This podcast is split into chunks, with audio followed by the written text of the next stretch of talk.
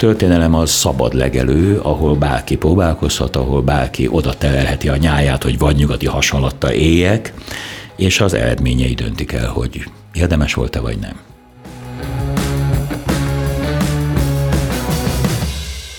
Köszöntök minden kedves hallgatót, Pap Lázár vagyok, ez itt a Mandiner podcastje.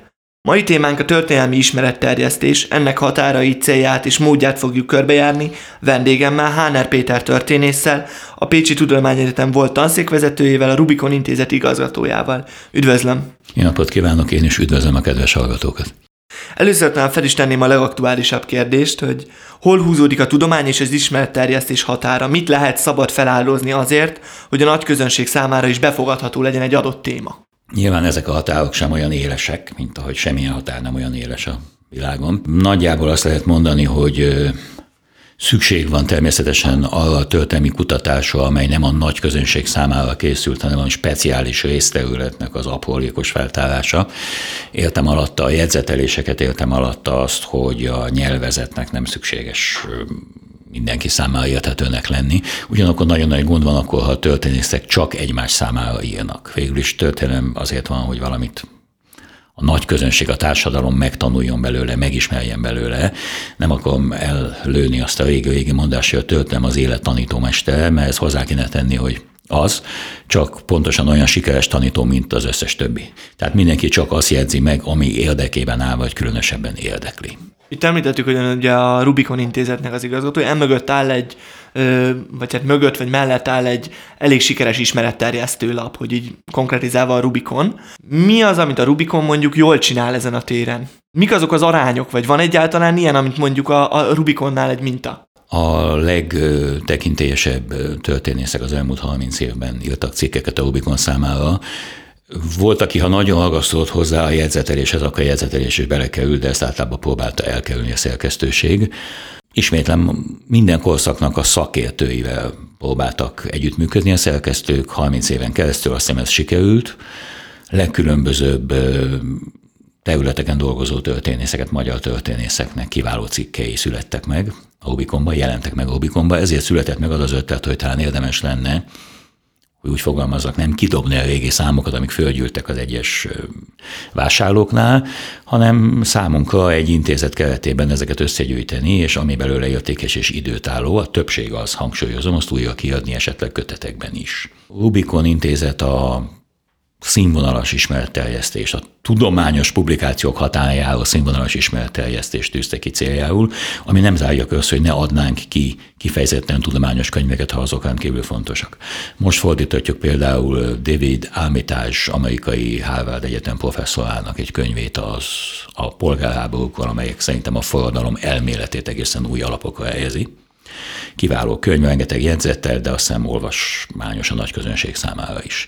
Én úgy vettem észre, hogy angol-francia nyelvterületen nem vált olyan élesen szét egymástól az ismeretterjesztés és a tudományos publikáció. Természetesen van, amit a nagy közönség kézbe se venne, és van, ami ténylegesen hát túlzottan a nagy közönség érdekei, amíg gagyi mondjuk ki magyarán, de ezen, ezek között van egy hatalmas nagy olyan zóna, amelyben a legkiválóbb történészek rendkívül olvasmányos tanulmányköteteket tudnak írni amelyek világszerte sikert aratnak. Említette, hogy itt ez nyugaton vagy a nyugati történet, nem feltétlenül vált ennyire külön az ismeretterjesztés és a tudományos munka. És mondjuk Magyarországon ez, ez nagyon két külön műfajként van kezelve, vagy azért itt is kezd egybeérni, vagy megszületni ez a határterület? Az okait nem tudnám pontosan meghatározni, de Magyarországon kialakult egy olyan véleménytörténészi körökbe, hogyha valaki ismeretterjesztőt ír, akkor az nyilván a női plegykalapoknak a színvonalán működik, és ha valaki tudományos munkát akar írni, akkor az a világért se legyen olvasmányos, érdekes, különleges, aktuális téma, aktuálisabb és modernebb ismertetésénél. Sajnos ez kialakult nálunk, és ez mindkét irányba hoz hatás gyakorol. És hogyha azt nézzük, hogy abból indulunk ki, amit mondjuk egy ilyen jeligeként, vagy ilyen mottóként mondott, hogy a, a történelem az élet tanítómestere. Hogyha valahogy de, így... így de hozzátettem, ugye, hogy de. Igen. Igen, Igen az, az mellette volt elnézést. Tehát, hogy hogyha ebből indulunk ki, mi az, ami mondjuk az ismeretterjesztést megakadályozza abban, hogy mondjuk elcsúszson abba az irányba, hogy mondjuk tendenciózus legyen, akár a politika fel tudja használni, vagy tehát, hogy ne ideológiák mentén ö, legyen ismeretterjesztő. Bizonyos mértékben egyikünk se tud függetlenedni az aktuál politikától és az ideológiáktól, mert a mi korunkban élünk a saját századunkban, ez később óvatatlanul feltűnő lesz, hogy milyen előítéleteink voltak. Minden, mindazonáltal mindent meg kell tenni, hogy ezek, ne ezek határozzák meg, ne az aktuál politikai szempontok, a divatos ideológiák határozzák meg a történelmi műveinket. Mondok egy példát erre.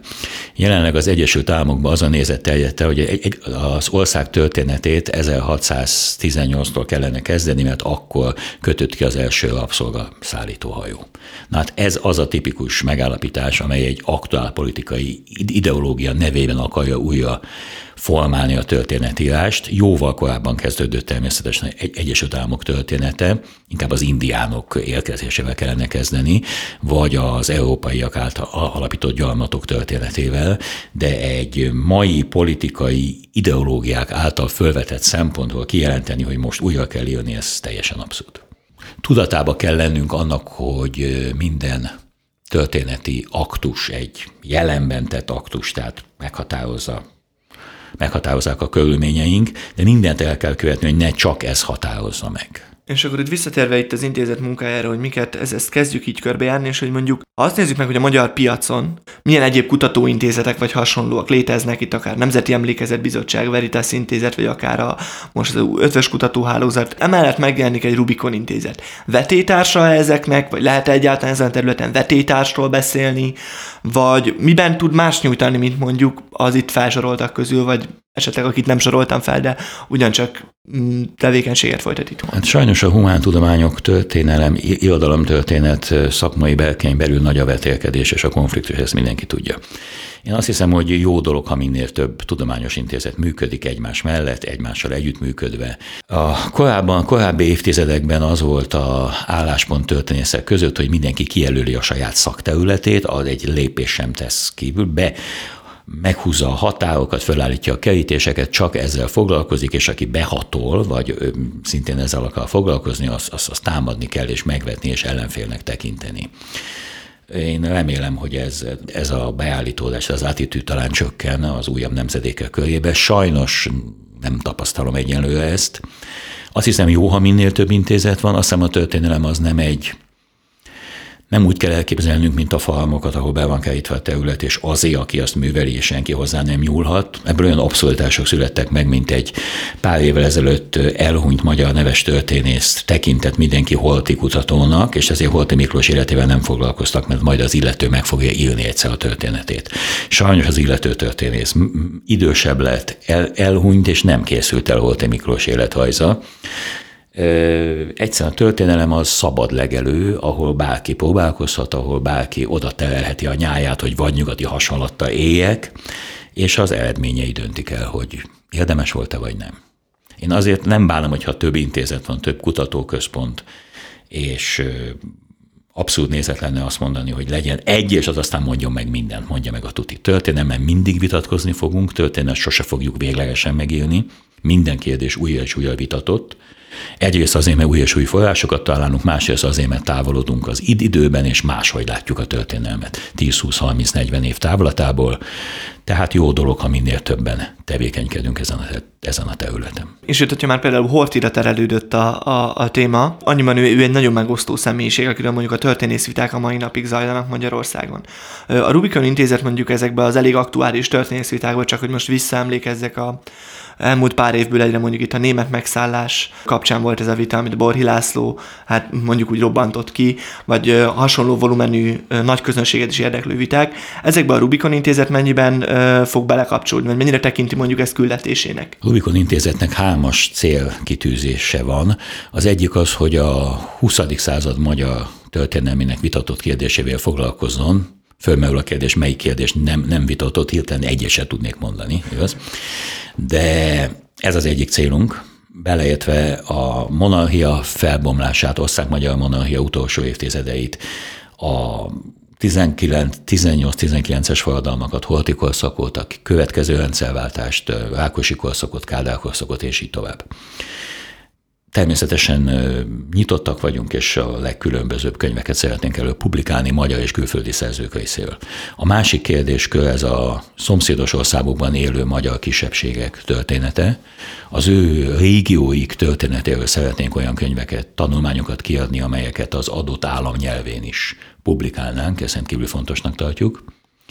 A harmadik pedig a 20. századi legújabb történelmi világtörténelmi kutatások eredményeinek a közzététele, ezt főleg fordítások útján szeretnénk. És amit az előbb említett, hogy itt a környező országokkal és ugye a határon túli magyarok történetével foglalkozunk meg, ebben lesz, vagy számítanak, vagy terveznek bármiféle együttműködés mondjuk adott szlovák, román, szerb kutatóintézetekkel? Vagy? Maximálisan tervezünk ilyeneket, és hogyha a koronavírus járvány nem akadályozta volna meg, akkor már eddig is szerveztünk volna ilyet sajnos pillanatnyilag egy szeptemberben megalakult intézet esetében ez nem volt könnyű. Tehát maximálisan tervezünk együttműködést, meg szeretnénk hallgatni a véleményüket. Jó lenne, hogyha itt a Közép-Európában élő nemzetek történeti, hogy nem elbeszélnének egymás mellett, hanem megértenék egymást, akkor is, hogyha nem értenek egyet mindenben, miért kellene mindenben egyetérteni, szó sincs róla. Igen, az intézetünk erre törekszik, és remélem, hogy sikerülni fog. Ugye úgy fogalmaznak, ez egy történelmi think tank. Ez ez mit jelent? Ez egy nagyon érdekes, izgalmas kifejezés, mert nem, általában nem egy kutatóintézetre asszociál ebből az ember. Hát ez egy idegen szó, ami divatba jött, én bevallom, hogy nem vagyok tőle elgatatva, mert jobban szeretem a magyar szavakat. Mindenesetre, hogyha gondolattartályt mondanánk, akkor az elég vicces lenne, és inkább maradjunk a think tanknél, ha ilyen népszerű lett. Arra törekszünk, hogy konferenciákkal, majd ha ez lehetséges lesz, publikációkkal, a Rubikonban megjelent cikkekkel együtt úgy fogalmaznék, hogy újabb, modernebb eszméket próbáljunk elterjeszteni a magyar társadalomban, a magyar történelmi iránt érdeklődő közönség körébe. Én azt vettem észre, hogy mintha a közmondókodás mindig le lenne maradva egy-két évszázaddal az aktuális események mögött. Arra gondolok, a francia forradalom résztvevői mindig az ókori rómaiakat idézték, és őket próbálták utánozni a klasszikus hősöket. 19. században az egyik, a politikusok egyik csoportja, a forradalmárok baloldaliak újra akarták játszani a francia forradalmat, ami az el, elmúlt században zajlott le, mások pedig vissza akartak térni a régi rendhez, ami szintén nem volt lehetséges. A 20. században a sokáig a 19. század fogalmaival próbálták megközelíteni a kommunizmus és nácizmus kérdéseit, de azt értem alatta, hogy egyesek a kommunizmus tekintették pusztán egy radikális baloldalinak, ami folytatja a korábbi hagyományokat, mások a nácizmus tekintették egy konzervatív jobboldali mozgalomnak, a radikális újdonságukat nem lehetett felismerni ilyen fogalmakkal.